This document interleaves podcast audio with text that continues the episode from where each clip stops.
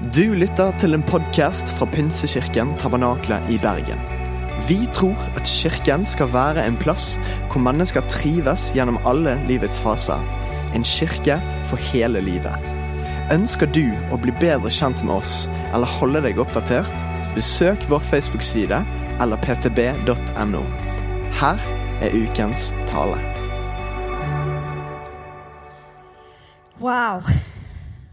Dette er gøy, da. Og veldig skummelt. Har dere sikkert gjort det her noen ganger, dere også, at dere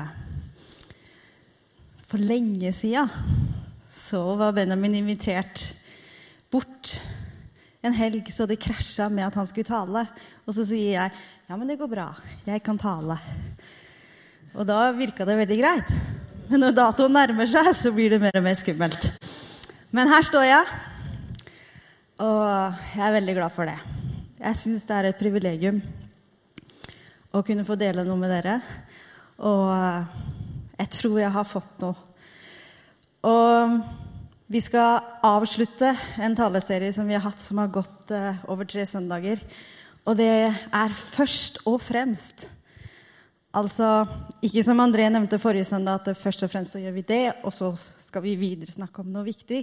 Nei, dette er viktig det vi har snakka om disse søndagene. Og det er noe som utfordrer meg. Fordi det jeg skal dele i kveld, det er absolutt ikke noe som liksom jeg har, eh, er ekspert på. Ikke i det hele tatt. Jeg føler jeg har en lang vei å gå. Så kanskje det kommer til å utfordre deg òg. Men eh, vi er klart for det, ikke sant? Blir litt utfordra. Og eh, Matteus 22 der skal vi ta verset som vi har lest disse søndagene sammen. Og en av dem, en lovkyndig, spurte for å sette ham på prøve. Mester, hvilket bud er det største i loven? Han svarte, du skal elske Herren din Gud av hele ditt hjerte og av hele din sjel og av all din forstand. Dette er det største og første budet. Men det andre er like stort. Du skal elske din neste som deg selv.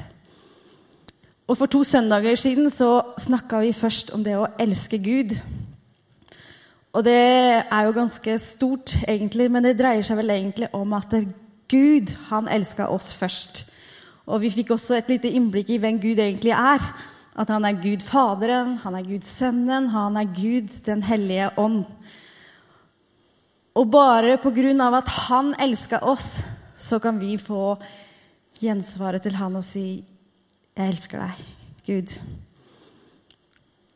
Og så hørte vi også forrige søndag om at dere, vi skulle elske hverandre. Og Jesus han sa i 1. Johannes 4 Nei, skal vi se. Johannes 13, 34. Et nytt bud gir jeg dere, og dere skal elske hverandre. Som jeg har elsket dere, skal dere elske hverandre. Og André han delte om det, om at vi skal elske hverandre. Og så gikk han enda videre, hvor Jesus faktisk sier at vi skal elske deres fiender. Det er jo ganske høyt. Lista ligger liksom der da. En ting er jo på en måte elske de du omgås med kan være vanskelig, det også noen ganger. I hvert fall sånn følelsen av det. Men at vi skal elske fiendene våre, det er noe ikke vi greier sjøl. Da må vi ta et valg, og da må vi ha kraft av Gud. Men det er mulig sammen med Gud. Og selv om det gjør vondt, så kan vi det. Og også vi her i menigheten vi ønsker jo å være et varmt fellesskap og da er det så viktig, som André også nevnte forrige søndag, at vi oppmuntrer hverandre, at vi har masse gode ord, og at vi bare tar vare på hverandre. Og så var det dagens tema, da. Og det er at vi skal elske verden. Og det er jo egentlig det samme Vi tar jo utgangspunkt i det samme verset. At du skal elske din neste som deg selv. Men vi skal liksom gå litt lenger ut. Ikke bare kanskje de som vi omgås med, eller de som har gjort, eller vi har et forhold til. Men kanskje de som ikke vi må egentlig bry oss helt om. Men eh, vi skal ta utgangspunkt i Gud. Og Johannes 3, 16, det verset tror jeg veldig mange av oss kjenner. For så høyt har Gud elsket verden, at han ga sin sønn, den eneste, for at hver den som tror på han, ikke skal gå fortapt, men ha evig liv. Gud, han elska verden. Og han skapte jo verden. Han hadde gjort det helt perfekt fra begynnelsen av. Han skapte jorda, han skapte alle dyra, Adam og Eva. Det var bare en sånn perfekt harmoni. Og så Adam og Eva, feila skikkelig. Det var skar seg fullstendig, egentlig, det Gud hadde gjort. Og da tenker jeg egentlig at Gud er jo Gud, så han kunne jo egentlig bare begynt på nytt. Kunne, det hadde liksom ingen som hadde visst det i ettertid. liksom, pang, Ferdig med den jorda. Vi begynner på nytt. Det var ikke det Gud gjorde. Han elska verden. Han elska det han hadde skapt. Og derfor så hadde han en redningsplan. Derfor så ville han ikke gi oss opp. For det er sånn Gud er. Men så tenkte jeg at det står Temaet er jo at vi skal elske verden. Så jeg slo opp i den appen jeg har, bibelappen. Og så skrev jeg 'Elske verden'. Og så fant jeg jo ikke det jeg ville ha, da. Jeg fant jo liksom det helt motsatte. Så det Altså, ja. Hør her, da, dere. 1. Johannes 2, 15. Der står det 'Elsk ikke verden' Heller ikke det som er i verden. Den som elsker verden, har ikke kjærlighet til far i seg. Ok, det verset kunne jeg ikke bruke. så jeg så litt videre, og så kom jeg i Jakob 4,4. Og der sto det Utro som dere er, vet dere ikke at vennskap med verden er fiendskap mot Gud? Den som vil være verdens venn, blir Guds fiende. Ok. Jeg sleit faktisk litt med å finne vers som liksom kunne bygge på det jeg skulle si i dag. Så hva er det vi snakker om her, liksom? Er det to verdener? Skal vi elske, eller skal vi ikke elske? Hei. Så egentlig så måtte jeg liksom da gå til gresk, da. Så jeg tenkte kanskje det blir brukt forskjellige ord for verden. Men så fant jeg jo egentlig ut at det, blir brukt ett ord, og det er kosmos. Men dette ordet det kan bety veldig mye forskjellig. Men først og fremst, og det blir mest brukt i Bibelen, og det blir brukt for jorda, for universet og for menneskeheten. Og jeg tenker kanskje Hvis vi skal tenke på Johannes 3, 16, så tror jeg det er det ordet. For så høyt har Gud elska menneskeheten at han ga sitt liv. Men så leste jeg at ordet 'verden' det kan også bety menneskeheten i det onde. Og det er et sånt begrep som blir brukt masse i Bibelen, egentlig. Um, at det er på en måte livet uten Gud, et liv i synd. Verden ligger i det mørke. Og det vet vi jo egentlig, for hver dag så lever vi i et samfunn hvor det skjer veldig mye vondt. Og det er denne typen verden som Bibelen sier at vi ikke skal elske. Det er synden, og det er det den fører med seg. Og Jesus han eh, formaner egentlig disiplene om å ikke bli venn med synden. Fordi når vi har fått et liv sammen med Jesus, så har vi kommet inn i lyset, skriver Bibelen om. Og rett før Jesus skulle dø, så ba han for disiplene sine. Og vi kan lese om det i Johannes 17, vers 15 og 16. Og Jesus sier, 'Jeg ber ikke om at du tar dem ut av verden, men at du skal bevare dem fra det onde. De er ikke av verden, slik jeg ikke er av verden. Gud, han hater det onde, men han elsker menneskene. Han gjorde det, og han gjør det fortsatt.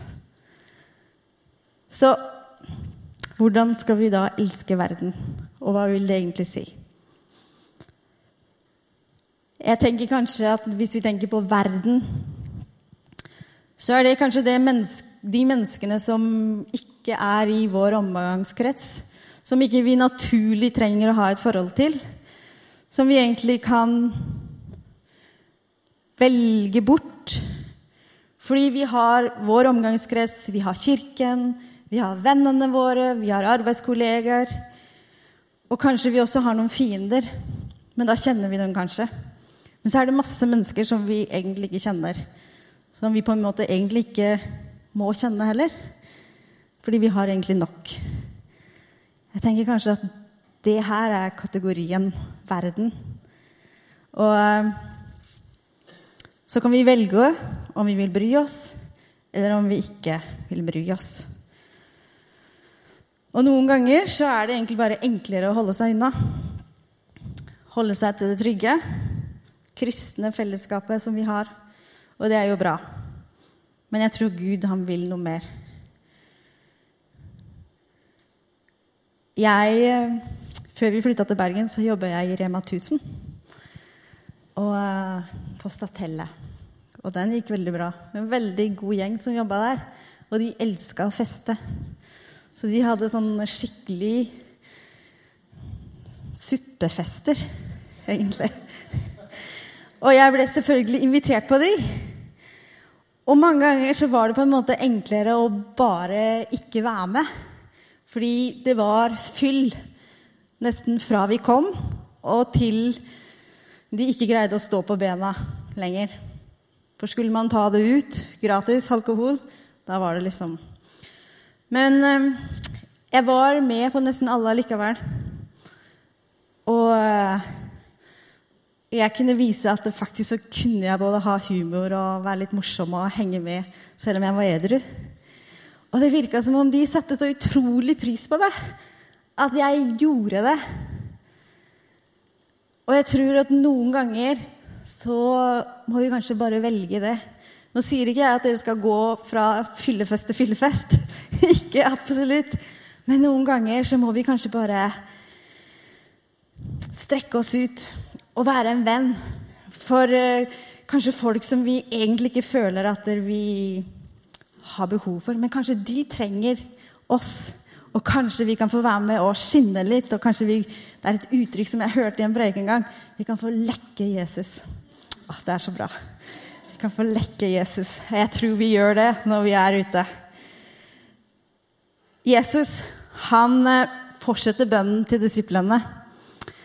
Og som, han, som jeg sa for dere i stad, bare et par vers lenger nede så sier han også Som du har sendt meg til verden, så har jeg sendt dem. Og også etter oppstandelsen så sier han i Johannes 20, 21 Igjen sa Jesus til dem, 'Fred være med dere. Som Far har sendt meg, sender jeg dere.'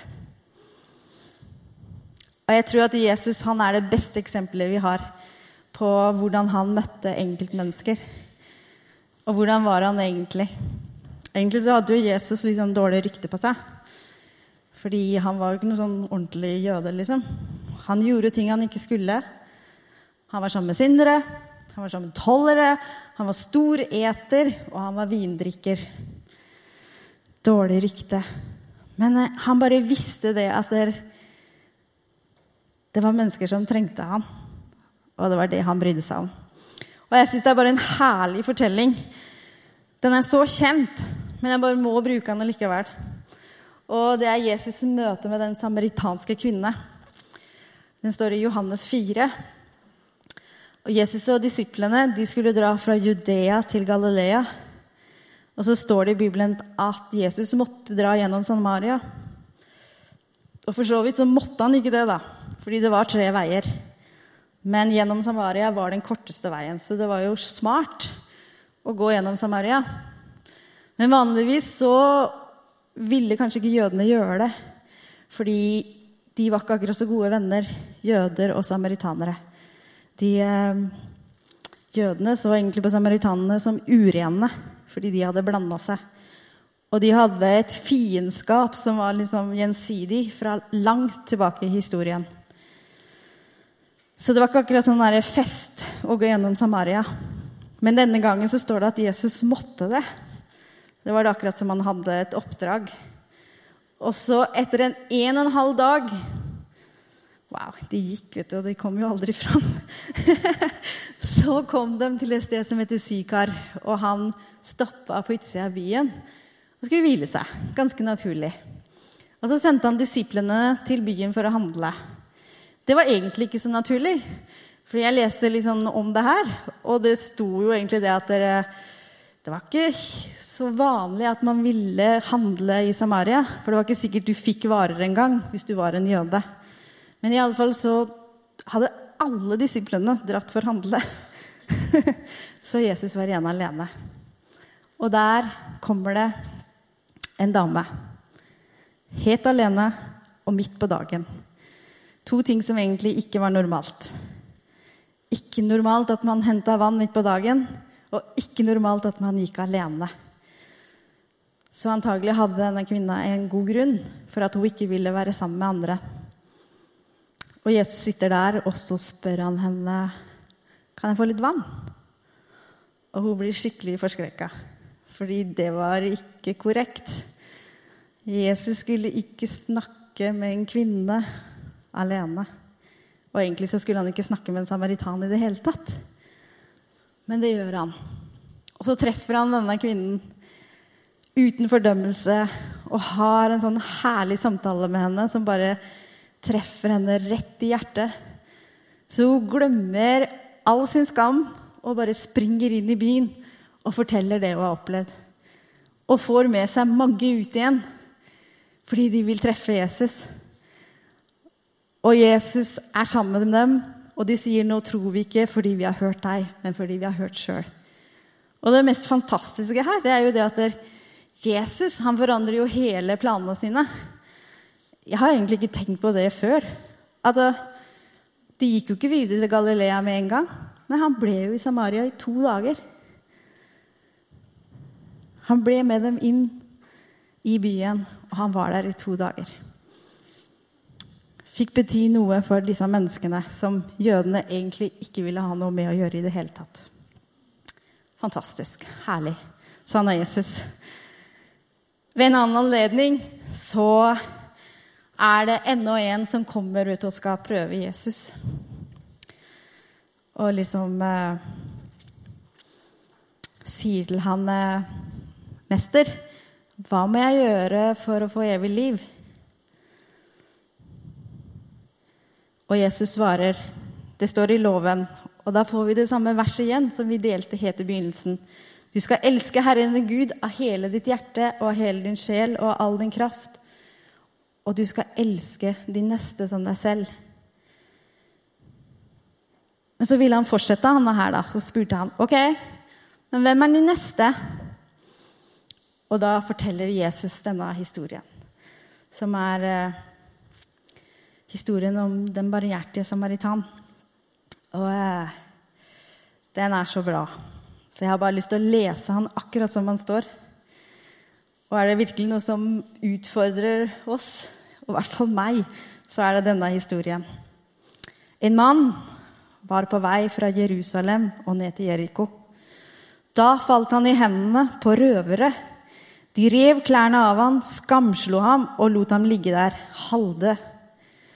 Nå traff, han, nå traff det seg slik at en prest kom samme vei. Han så ham, men gikk utenom og forbi. Det samme gjorde en levitt. Han kom, så mannen og gikk rett forbi. Men en samaritan som var på reise, kom også dit hvor han lå. Og da han fikk se ham, fikk han inderlig medfølelse med ham. Han gikk bort til ham, helte olje og vin på sårene hans og forbandt dem. Så løftet han mannen opp på eselet sitt og tok ham med seg til et herberge og pleiet ham. Neste morgen tok han fram to denarer, ga den til verten og sa:" Sørg godt for ham, og må du legge ut mer, skal jeg betale når jeg kommer tilbake. Og så spør Jesus, hvem av disse tre synes du viser seg som en neste for han som var overfalt av røverne? Og han svarte, han som viste barmhjertighet. Og Jesus sa, gå du og gjør som han. Wow. Det er en sterk historie. Fordi egentlig så tror jeg at jeg kunne vært han nummer én eller nummer to. Jeg tror jeg bare kunne gått forbi. Fordi det er så mye enklere mange ganger. Og du vet jo liksom aldri hva du roter deg borti hvis du skal hjelpe noen. Det kan jo være farlig.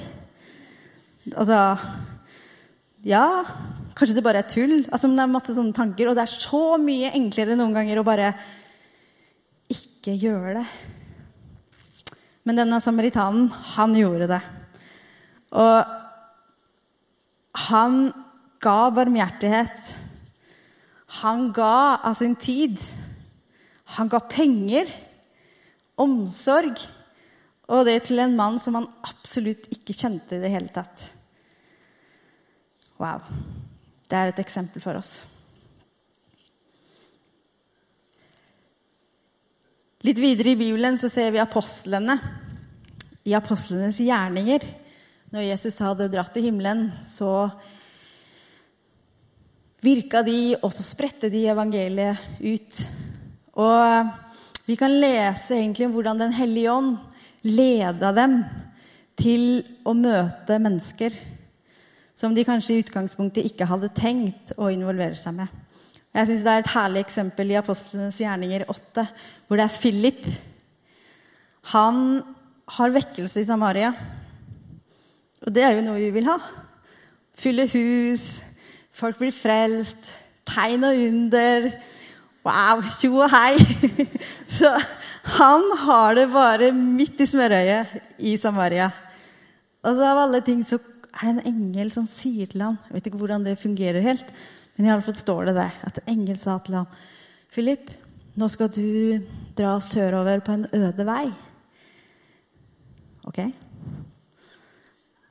Heldigvis så hadde nå Gud, nei, Philip et sånt forhold til Gud og hva var for Den hellige ånd, så han var lydig. Landevei, den er øde. Har ikke peiling på hvorfor jeg skal gjøre det her, men jeg går. Og jeg tenker at han tenkte nok sine tanker når han gikk. Han tenkte sikkert ok, vi har jo møte i kveld, liksom. Hvorfor? Jeg skulle jo vært med. Her går jeg. Hva er det for noe? Men der, på den veien, så er det en mann. En etiopisk hoffmann. Okay? Dette er en mann i et helt annet sjikte. Fra røveren i lignelsen så er dette en hoffmann som sitter i vogna si. Men han trenger også hjelp. Og Philip han får gå og sette seg opp i vogna med ham. Og han får hjelpe ham til å forstå det som står i Skriftene. For Philip han sitter og leser i loven. Og der, de to sammen, derfor han forteller evangeliet, han tar imot, og han får døpe seg. Tenk, altså I Samaria hadde mange blitt frelst. Men så blir Philip kalt ut til den ene personen på den støvete landeveien. Og jeg tror at der antagelig så fikk det store ringvirkninger etterpå, når han dro tilbake til Etiopia og helt sikkert sprette det han hadde fått opplevd. Men sånn kan Gud lede oss til en og en person som vi ikke egentlig hadde tenkt. Paulus han opplevde også det her. Han eh, var jo misjonær, og han dro på misjonsreiser. Han hadde vært ute på én reise, og så var de nå ut på sin reise nummer to. Og planen var at dere, de skulle dra videre nordøst. Og så står det i Bibelen at de ble hindra. Jeg vet ikke helt hvordan. Men Den hellige ånd hindra dem. Igjen så var det liksom et eller annet som de bare kjente at nei, vi skal ikke dra dit. Så de bare dro til et annet sted og liksom venta litt. Og så fikk Paulus en drøm hvor han så en mann fra Makedonia som ropte Kom over og hjelp oss. Så istedenfor å dra nordøst, så dro de nordvest. Og de dro over til Europa og fikk være med å forkynne evangeliet der for aller første gang. Og jeg tror at det hadde store konsekvenser for Europa. At de nådde Europa og fikk dele evangeliet. Den hellige ånd vil lede oss på samme måte. Gud elsker verden, og han ga seg selv for dem.